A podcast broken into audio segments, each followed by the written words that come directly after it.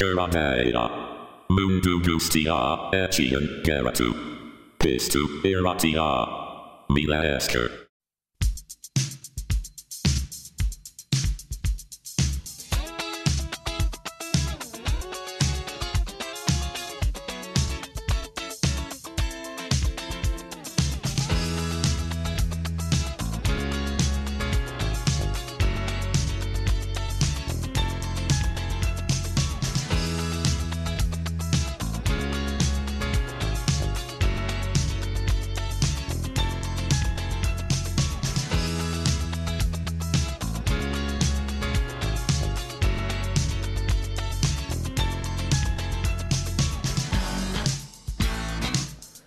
Kaixo guztioi, ze modu zaudete?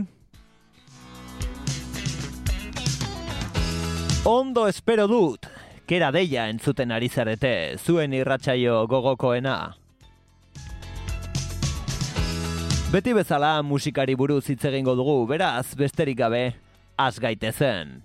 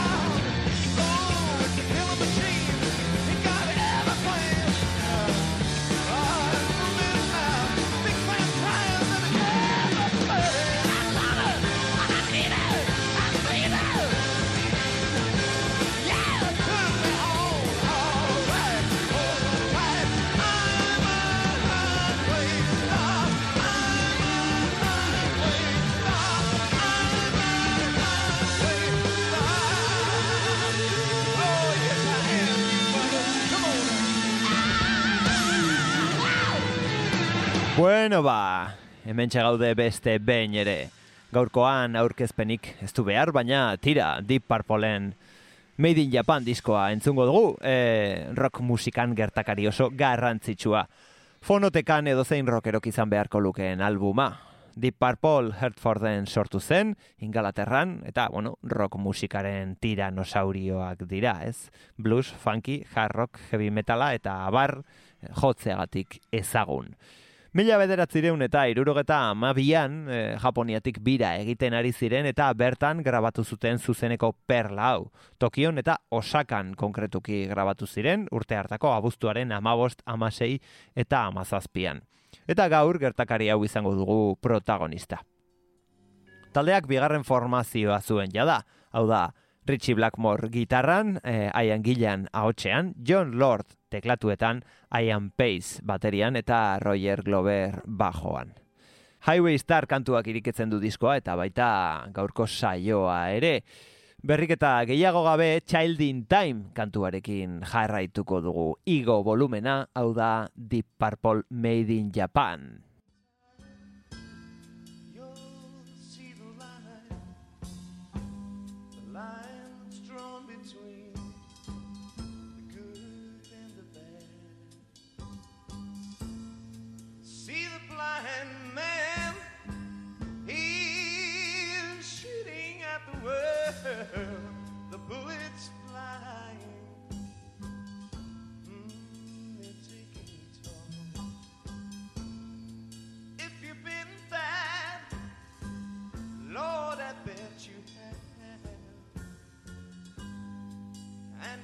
not been hit. You've not been hit by flying lead. You'd better close your eyes.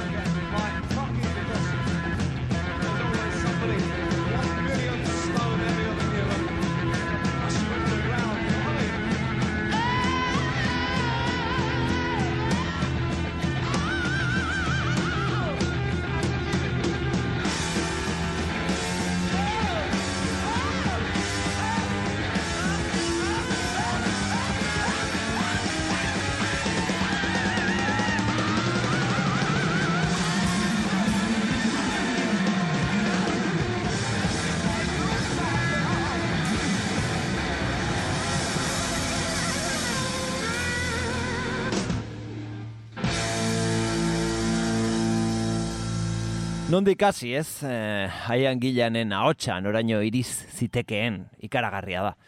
Child in Time, mila bederatzireun eta irurogeta marreko in rock diskoan aurkituko dugun kantua da. Hau entzon duguna zuzenekoa. Oikoa da, garai hartako rock taldeek, eh, ba, bueno, zuzenekoetan eh, kantuak punteo eta improvisazioetarako erabiltzea. Ez? Horregatik irauten du eh, ia amabi minutu terdi. Disko honek zazpi kantu ditu soilik eta ordu bete eta laurden irauten du, beraz atera kontuak. Urrengo kantua urte hartan bertan kaleratu zuten Machine Head lanean aurkituko dugu. Smoke on the water.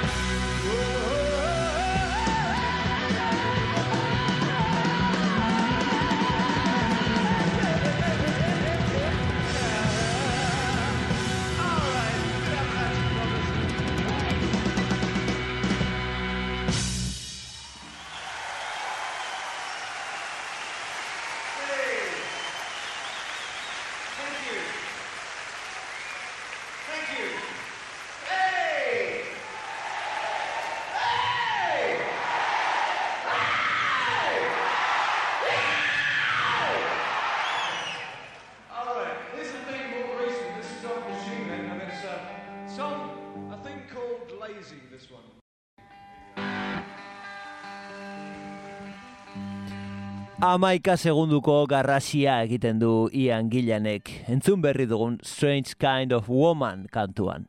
Fijatzen bazarete abesti honen doinua, e, jazu taldearen Don Gouren berbera da, ez da kasualitatea izango. Eta jarraian John Lordek jamon ze iru teklatua nola eramaten duen bere limiteetaraino, entzungo dugu, Lazy kantuaren introan.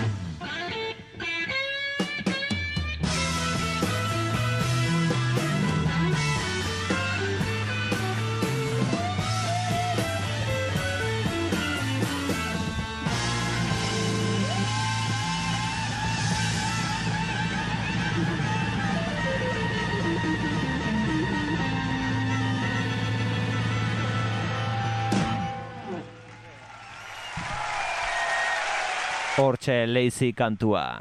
Richie Blackmorek eh, turn around batekin bukatzen du, turn around batekin bukatzen du oso modu elegantean. Eta konturatu gabe pasa zaigu ia ordu bete eta saio saioa agurtu beharrean gaude. Hau izan da gaurkoak eman duena. Espero dut zuen gustukoa izana nire partetik Space Trucking abestiarekin utziko zaituztet. Goza ezazue. Bihar berriz egongo gara kontu berriekin, hemen espero zaituztegu, ordur arte ondo segi, txintxo portatu edo ez, hori zuek ikusi eta gogoratu, entzun kera deia, entzun naiz irratia.